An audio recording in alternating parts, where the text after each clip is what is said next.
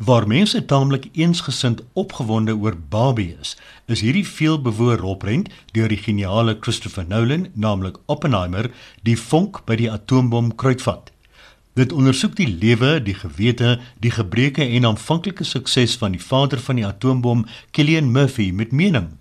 Dit bombardeer die kyker met ongekende drama oor verdowende klank, feite wat soms verdraai word en kritiek op die heksejag op 'n man wat opdragte uitgevoer het en sy verwronge droom nagejag het. Moenie dat die 10 uit 10 gradering jou na jou motorsleutels laat gryp nie.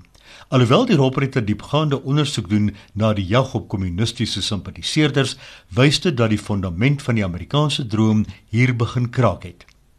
Oppenheimer verkeer in sy eie vlamme hel nadat hy die sukses van sy vernietigende skepping ervaar het, want hy besef dan eers dat hy die wêreld die geleentheid gebied het om homself te vernietig. Sy gewete tuister hom en dryf hom feitelik tot selfvernietiging, maar nog erger, dit skaad sy siel tot so mate dat hy handdoeke gooi, veral wanneer sy president, kollegas en land die rug op hom draai. Indien jy gaan kyk, berei jou voor op 'n soms bombastiese aanslag op jou sinne. Dis briljant en sal jou nie onaangenaak raak nie. Maar wat prysenswaardig is, is dat jy opinie sal hê en beslis gaan reageer.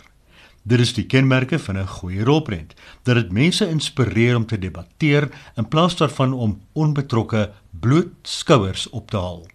Oppenheimer 10/10 in IMAX en in ander fliekteaters.